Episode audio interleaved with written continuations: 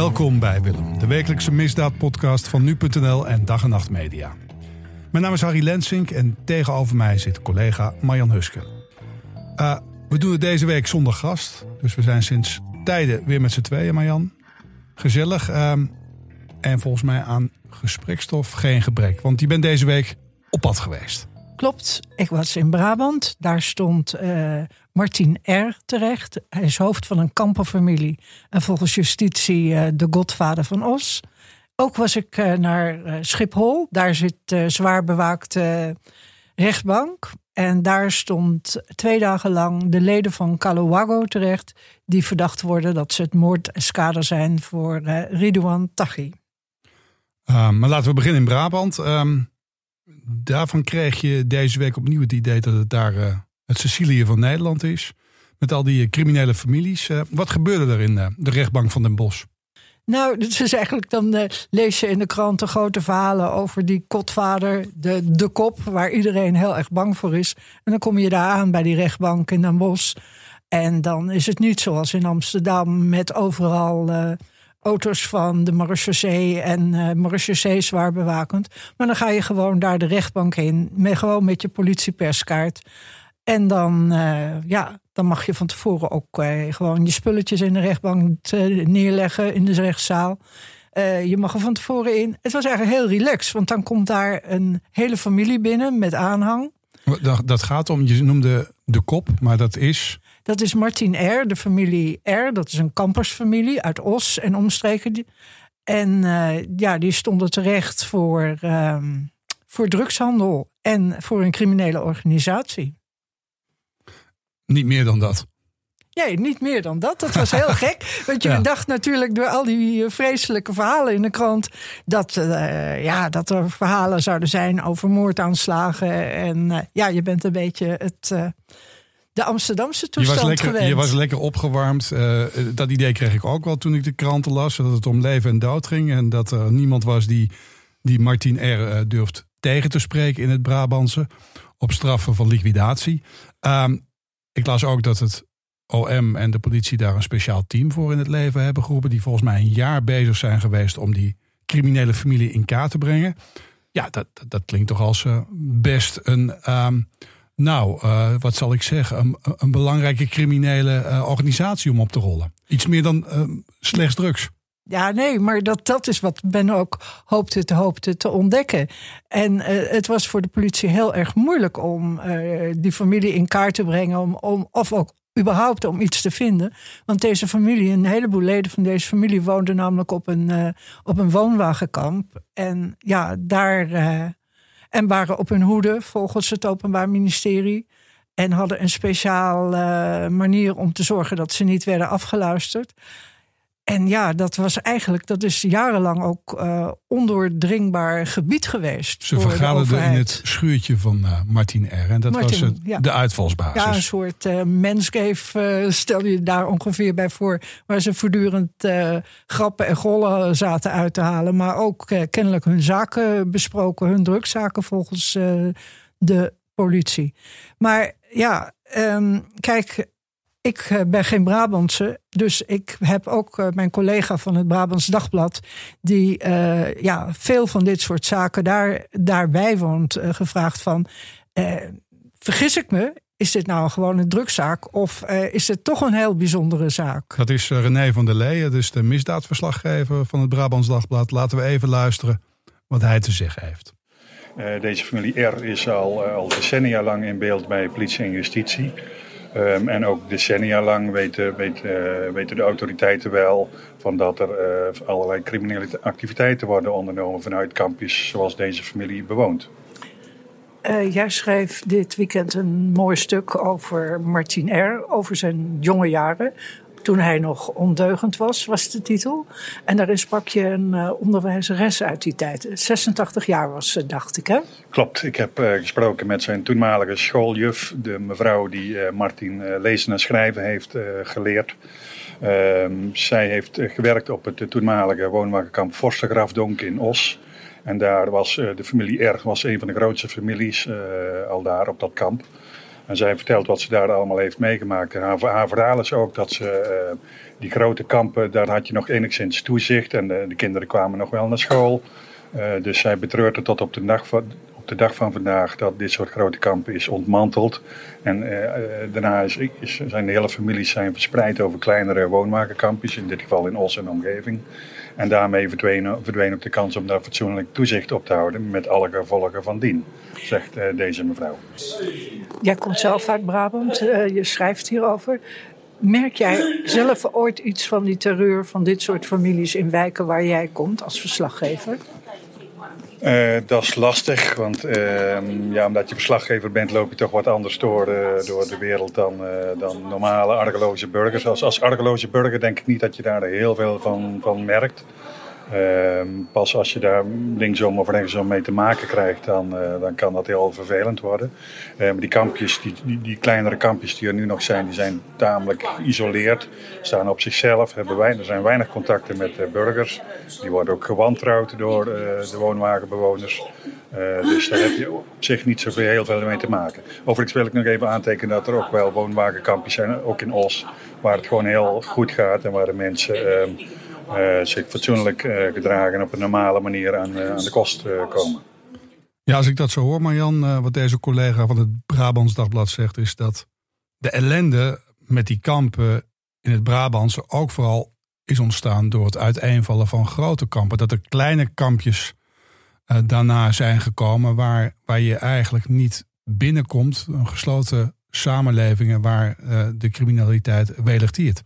Ja, dat klopt ook wel. Ik bedoel, kijk, Campers hebben een lange traditie in Nederland. En, uh, en zeker de familie R, die al generatie op generatie uh, zich bezighoudt met een soort handel waarmee ze zich ook in leven houden. Ik bedoel, dat is eh, de geschiedenis. Het is de schuld van de overheid. Dat bijna kan je dat zo zeggen. Ja, want ik bedoel, als je, als je geïsoleerd wordt en nergens aan de bak komt omdat je uit het kamp komt, heb je, ga je andere middelen zoeken om, uh, ja, om toch in je levensonderhoud te voorzien. En dat zijn vaak illegale zaken. En er wordt je geen strobreed in de weg gelegd jarenlang, omdat niemand er zicht op heeft. Volgens mij de politie, uh, de, de overheid ook vaak niet naar binnen durfde. Ja, het is, het is, een, soort, uh, het is een soort beeld. Men creëert ook een soort spook van dat zijn hele enge mensen. Maar dat zijn ook hele aardige mensen. Maar Oké, nogmaals, ik lees in de krant dat deze meneer in ieder geval in het verleden uh, beschuldigd is van liquidaties. Is die voor vrijgesproken? Maar er zijn toch ook allemaal verhalen die dan wellicht niet snoeihard zijn, maar wel waar je het koud van om het hart krijgt. Nou ja, is het nou wel of niet? Zit er een kern van waarheid in of niet? Ik weet niet of er een kern van verhaal is. Deze man, Martin R., is ooit, en dat is alweer een heleboel jaren geleden uh, werd hij vervolgd voor de, um, liquidatie op de A73. Bij de rechtbank werd hij daarvoor veroordeeld. En in hoger beroep werd hij daarvoor vrijgesproken. En sinds dat moment is hij een soort token figure voor politie en justitie. Die meent dat ze hem toch uh, op een of andere manier het leven zuur moeten maken. Een soort holle, uh, Brabantse holleder of een, uh, ja. de, uit Os.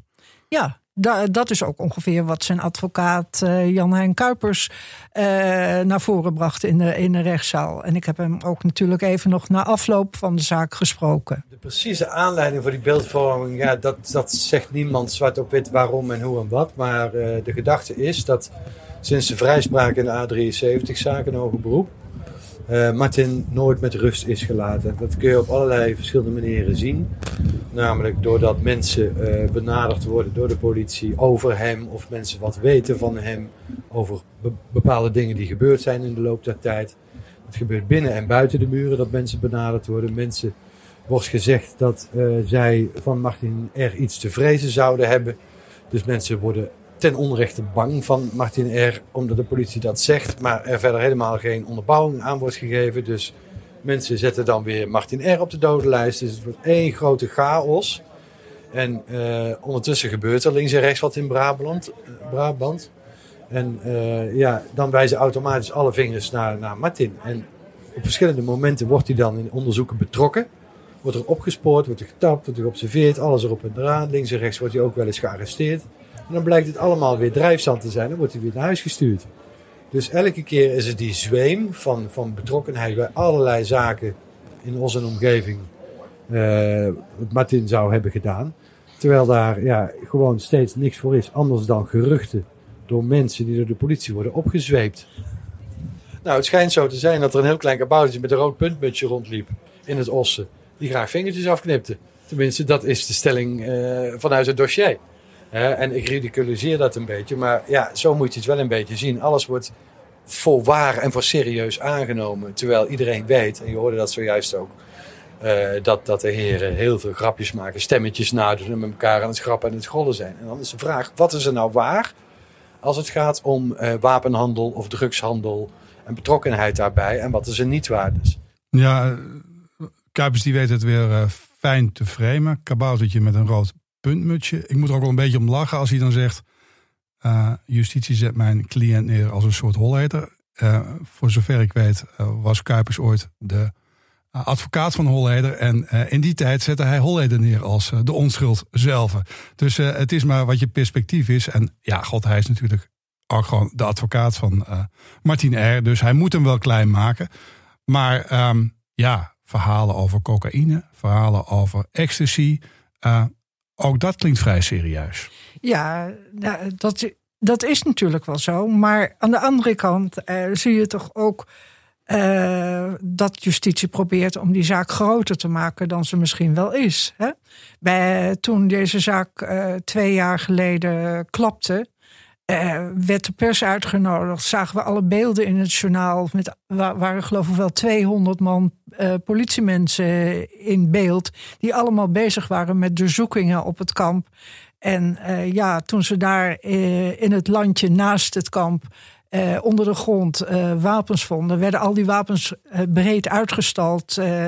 Om toch maar te laten zien wat voor enge groep dit was. Dus eigenlijk, ja, toch ook een soort beeldvorming van: kijk eens, dit zijn enge mensen. Nou, is toch niet zo gek dan? Als je zo'n wapenstage vindt en uh, dat is dan toch bewijs van hier is iets gaande, iets wat het daglicht niet kan verdragen. Ja, het, he het, heeft natuurlijk ook iets te maken met de beeldvorming, met naming en shaming. Van moet je kijken van dit vinden we hier allemaal. Ik bedoel, uiteraard ontkennen dus die mensen op het kamp dat die ondergrondse stashes van, he van hen zijn. Het moet allemaal nog maar bewezen worden ook. Hè?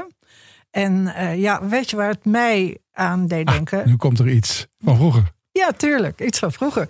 Want geschiedenis herhaalt zich. Want in de jaren negentig had je ook, eh, ook kamperfamilies. Eh, zelfs een neef van deze Martin R. Ene Koos R. En Koos R. werd gezien als de adjudant van Johan V.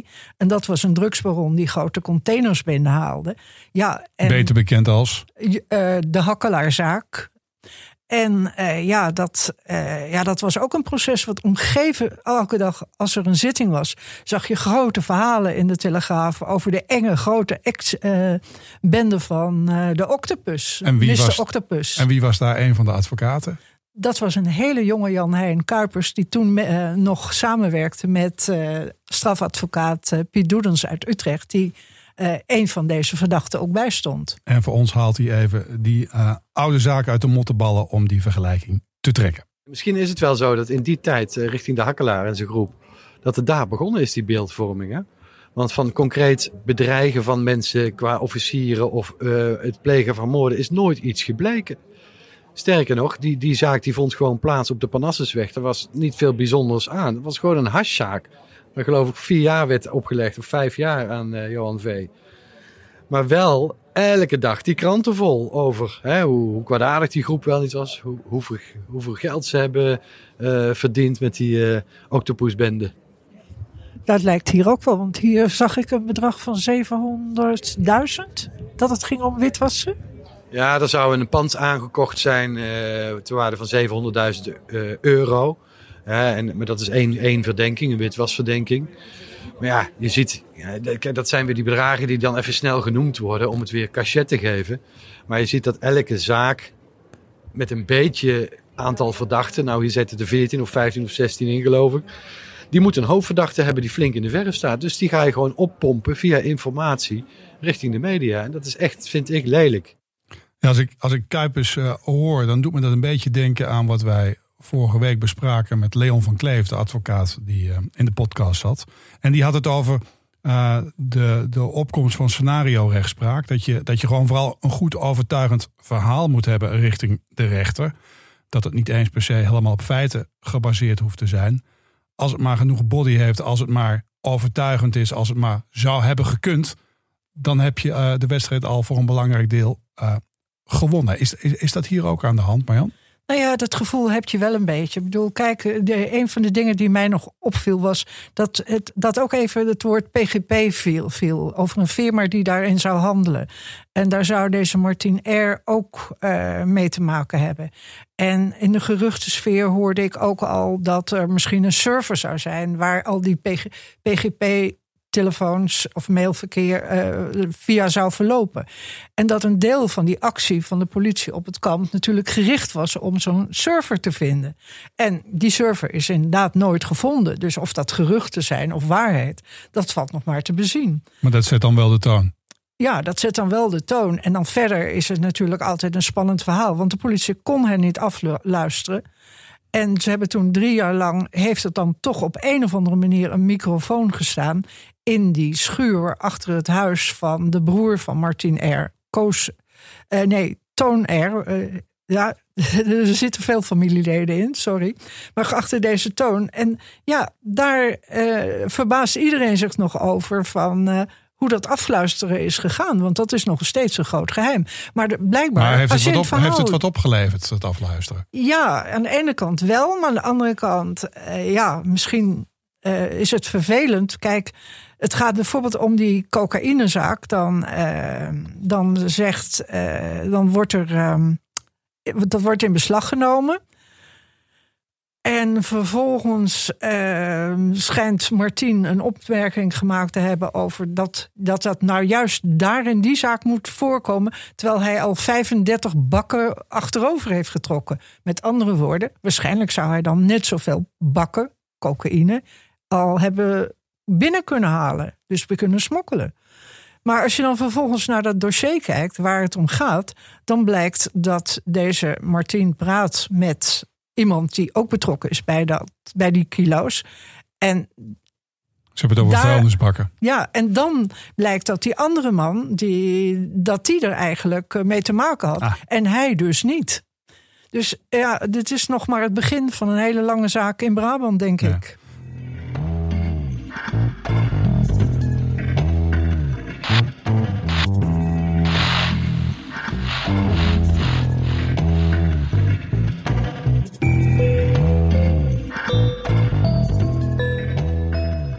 Nou ja, uh, je was niet alleen in Brabant. Er was een andere beladen zaak deze week die speelde. Uh, je zei het net al in Amsterdam, uh, op Schiphol. de extra beveiligde rechtbank daar. Daar stonden de leden van motorclub Carlo Wago terecht voor een aantal liquidaties. Dat is een zaak die, zoals we weten, wordt gelinkt aan Taggi. Hoewel die daar officieel niet in terecht staat. Zijn naam ging volgens mij wel door de rechtszaal deze week volop. Um, hoe ging het daar? Nou ja, daar ging het heel duidelijk door justitie gezegd. Sowieso is daar de sfeer al heel gespannen als pers.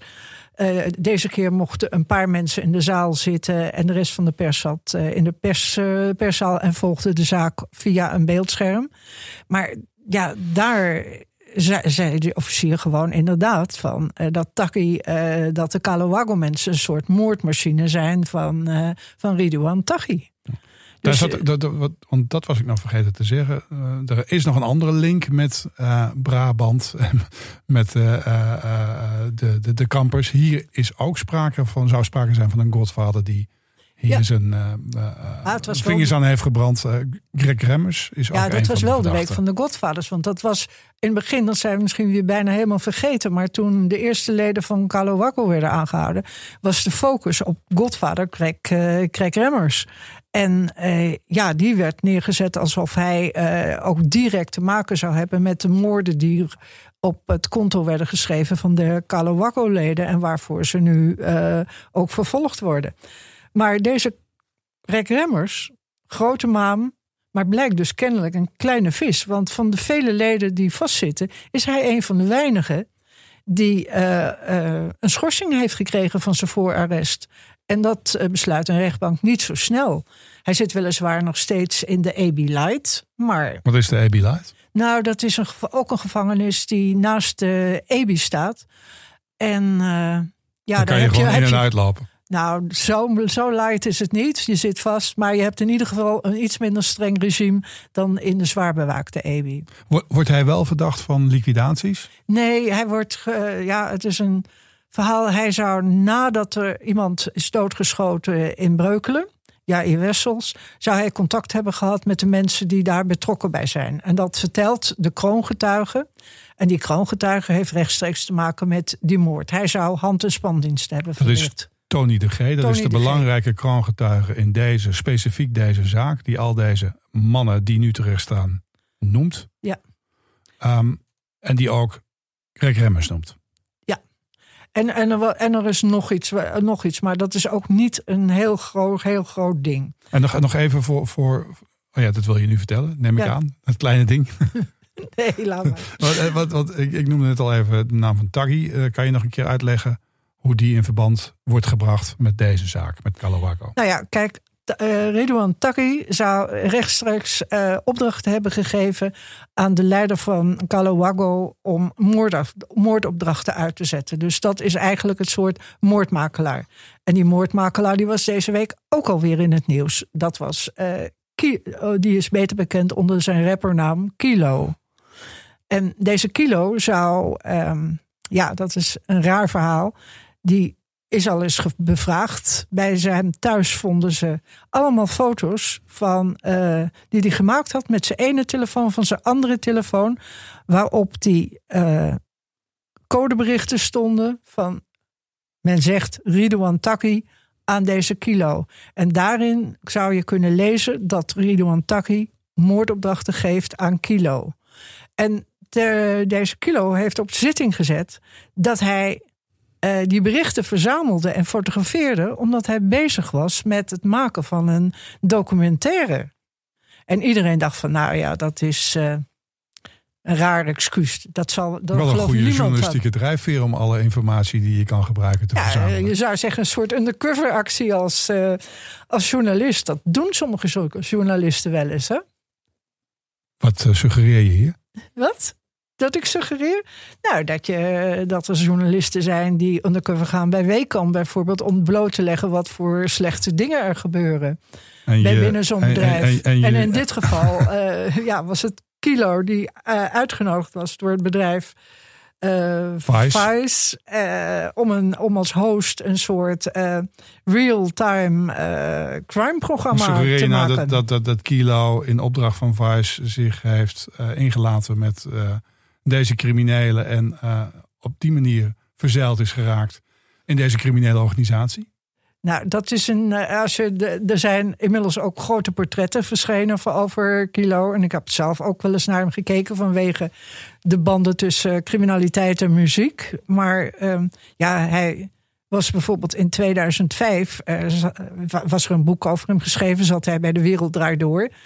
En ja, dan eh, op dat moment zit eh, Matthijs eh, van Nieuwkerk. die spreekt hem nog bestraffend toe van... nou, Kilo, eh, je gaat je leven beteren en je gaat nu alleen nog maar de muziek doen. Maar kennelijk heeft het leven van Kilo zich eh, anders ontwikkeld. Hmm. Hij zou voor eh, Vice, het mediabedrijf, zou die een serie gaan maken. Ik geloof onder de titel Nieuwe Penose. Ja, nieuwe Ja. pinose waar niemand zicht op had. Maar hij dus wel. Maar hij had dus kennelijk zoveel zicht op dat hij er tot aan zijn nek in zat. Ik wil nog even terug naar de oude Penose, naar Greg. Ja, Ehm, Ja. Zijn advocaat was er ook deze week. En Ja. die, eh, dat was meteen eh Hommeles. nou ja, kijk, eh, er, was, er, was, nou, er was heel veel misdaadnieuws. Bijvoorbeeld het AD, Jelle Tiedeman, ont, die kwam naar buiten met een bericht, gelekte informatie van de kroongetuige Tony de G. Die zou hebben gezegd dat hij via een medegevangene in opdracht van Krep Rengers en diens advocaat Nico Meijering onder druk was gezet om geen kroongetuige te worden. Nou, dat is nogal niet een beschuldiging, hè? Want dan dus- ben je dus- als advocaat bijna een soort consigneren als je met dat soort praktijken zou bezighouden.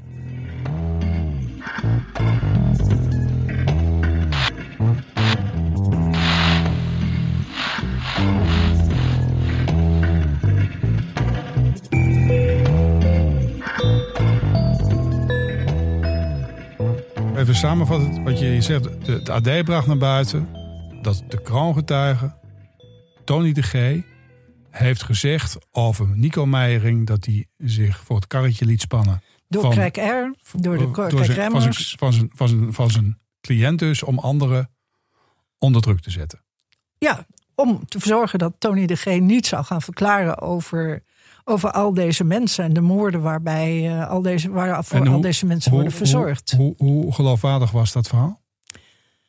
Ja, eh, kijk, het, het idiote is, zo'n verklaring van Tony de G zit in een groot strafdossier. Dat lekt uit. En je denkt dan dat eh, alles wat een kroongetuige zegt, eh, dat dat meteen uitgezocht wordt of het ook wel waar is. Maar nu, tijdens de zitting bleef, dat zei de officier zei van ja, we willen zo transparant mogelijk zijn. We willen dat alle informatie zo snel mogelijk ook bij de verdediging en bij de verdachte in is. We hebben dat niet uitgezocht, want ja, dit heeft niet zo'n prioriteit als al die moordonderzoeken die we nog moeten doen. Dus er was niets uitgezocht. En dan lekt het uit en nu staat eh Meijering te boek als consigliere. Ja, want dat was ook wat een van de advocaten, een van de collega's ook van eh Meijering, die ook Krek Re- Remmers bijstaat, eh zei: van ja, mijn cliënt.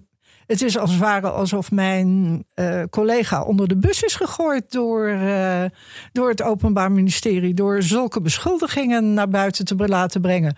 die niet geverifieerd zijn.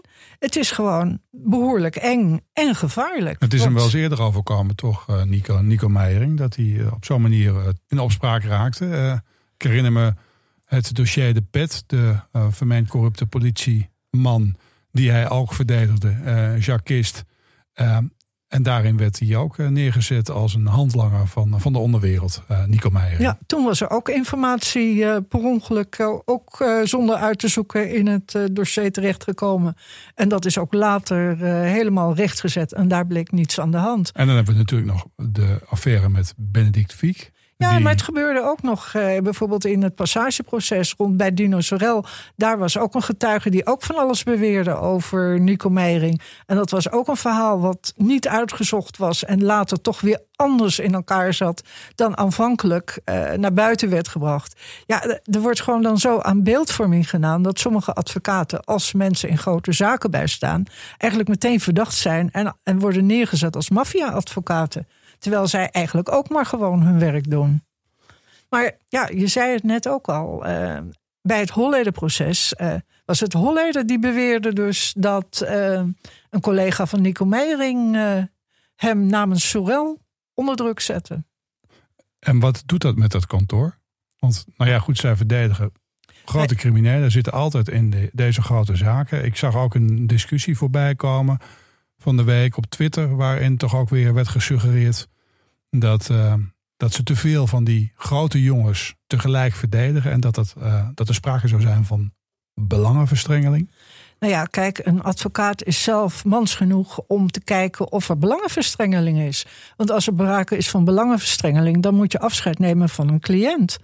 En kijk, ehm, een advocaat die gaat mensen ondervragen, die krijgt gegevens uit een dossier.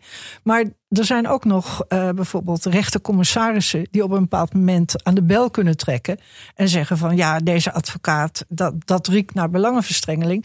Eh, daar moet iets gebeuren. Ik bedoel, aan de kant, die kant kan ook ineens eh, aan de bel getrokken worden. Maar dat komt vrijwel nooit voor. Ik bedoel, advocaten nemen zelf afscheid als ze merken dat. Ja, het is dat, wel dat altijd- er tegengestelde belangen Oké, zijn. maar goed. Je kan er zijn, heel goed- Er zijn duizenden advocaten in Nederland. Eh, er zijn ook best veel grote advocaten die, die, die zware jongens bijstaan. Maar het is wel altijd dit kantoor wat in opspraak raakt. Ja, maar goed, als je dan kijkt, eh, er wordt ook wel eens gekeken richting een kantoor van, eh, van bijvoorbeeld de advocaat van, van Taki. Omdat die ook mensen bij zou staan waar bijvoorbeeld Taki eh, ruzie mee zou hebben. Althans, eh, dat beweerde bijvoorbeeld John van der Heuvel deze week in zijn column. Maar Je ja, hebt het over Ines Wesky. ja, en ja, ik bedoel, eh, waarom zou ze niet twee verschillende mensen kunnen bijstaan? Je kan de dossiers toch scheiden. Er hoeven toch niet belangen te zijn. En als een van de uh, cliënten het er niet mee eens is, dan gaat hij weg bij zo'n kantoor. Dat zie je ook vaak, dat uh, cliënten van het ene kantoor naar het andere gaan. Ja, dus het is gewoon een kwestie van dat dit soort advocaten high-profile zaken hebben, dan van je veel wint, ja. dan kan het zijn dat je ook in de pers uh, af en toe de maat wordt genomen. En als er dan geruchten zijn dat die al snel leiden tot een bepaalde profilering. Ja, en daarom is het misschien ook wel toch wel gevaarlijk als er ineens uh, geruchten of delen uit een dossier op straat liggen die, uh, die niet uitgezocht zijn. Uh, ik bedoel, en het is, natuurlijk niet, het is natuurlijk niet justitie die dat dossier op straat gooit. Mag je hopen. Maar ja, het lekt uit. Het is een proces. Er zijn twee processen met zoveel procespartijen, met zoveel verdachten. Ja, daar, daar spelen zoveel belangen. Dan heb je het over het Marengo-proces tegen Tari en het. Uh, bijvoorbeeld uh, dat Eres-proces van ja. afgelopen week. Dat is nu inmiddels al gesplitst. Uh, telkens in twee dagen, omdat er zoveel mensen, advocaten en hun cliënten in die zaal zitten, dat het er gewoon in één keer niet in past. En hetzelfde misschien krijg je straks nog uh, met Marengo, waar, waar, volgende week weer een zitting van ja, dat is. Volgende week, um, dat is echt gericht tegen, tegen Taghi. Toch kwam ook, ik zei het net al, uh, hij deze week weer uh, flink over het voetlicht in, in, in deze zaak tegen Calowago. nogmaals, hij staat nog geen verdachte in, geloof ik. Hè? Nee. maar hij wordt wel, worden hem negen liquidaties aangevreven, ook in dat dossier. Ja. Er, worden, er zijn de moordopdrachten die via uh, kilo uh, gegeven zouden zijn aan de moordeskaders die uh, via deze motorclub zouden werken. En ja, het komt allemaal uit de koker van Tony, het kroongetuige Tony de G. En ja, zijn verklaringen zijn nog niet allemaal geverifieerd. Heet wat, dat dan? Wat, wat, wat dat betekent dus verwachten? dat iemand vertelt. Nee, maar dat snap ik. Maar wat kunnen we dan verwachten dat, dat als het OM dat toch zwaar genoeg acht, die verdenkingen, dan komt er een. Dat wordt het toegevoegd aan deze zaak? Uh, of komt er dan een nieuwe zaak? Of hoe moet ik dat dan voor me zien? Nou ja, vooralsnog. Uh, ik bedoel, er staan er al zoveel. En ze hebben genoeg aan die andere. Ze hebben al genoeg aan, aan, denk ik, aan al die leden die daar terecht staan. Ze hebben in dit proces, zeggen ze, dat de opdrachten van uh, Ridouan Taghi komen. Kijk, als er een vonnis zou komen in deze zaak, zal in zo'n vonnis ook staan dat die opdrachten van Ridouan Taghi komen. Dus dan kan in een rechtszaak waarin Ridouan Taghi zelf terecht staat, zal, zal zo'n vonnis dan wel worden meegenomen. Een beetje zoals het ging bij, bij het grote liquidatieproces, waarin Holleder werd neergezet als een van de opdrachtgevers voor de moorden. Hij stond er niet in terecht. Maar de, het vonnis uit dat proces is wel gebruikt uiteindelijk in de, in, in de zaak tegen hemzelf. Ja, dat was toen een heel belangrijk en heel ondersteunend uh, uh, ja, vonnis. Waar men de rest omheen, uh, omheen ja, als het ware vouwde. En daardoor de overtuiging had. En vandaar waarschijnlijk dat scenario recht, die scenario rechtspraak. Dat hij dat allemaal wel gedaan zou moeten hebben. Nou, hoe, hoe, hoe, hoe het OM tegen Taghi aankijkt in zijn eigen zaak, daar gaan we volgende week iets over horen. Dan, uh, over volgende week, op 6 maart. Oh, over twee weken. Op 6 maart. Okay. En dan uh, is nu al, uh, zij vertelde Ines Weschi van dat Taghi zelf niet aanwezig zal zijn. Okay. Wij gaan het volgende week wel hebben over Taghi, want dan gaan we het hebben over waar we het nu ook over hebben, maar dan wat uitgebreider over die we link gaan, tussen ja, die, die, die, twee, twee processen. Zaken, tussen Marengo en Eres. Ja. Tot zover. Willem? U kunt een abonnement nemen via iTunes. En heeft u vragen, dan horen wij het graag. Ik ben Ed Harry Lensink op Twitter. Marjan is Ed Huskemarjan. Mailen mag ook naar vragen@dewillempodcast.nl. Dank voor het luisteren en tot volgende week.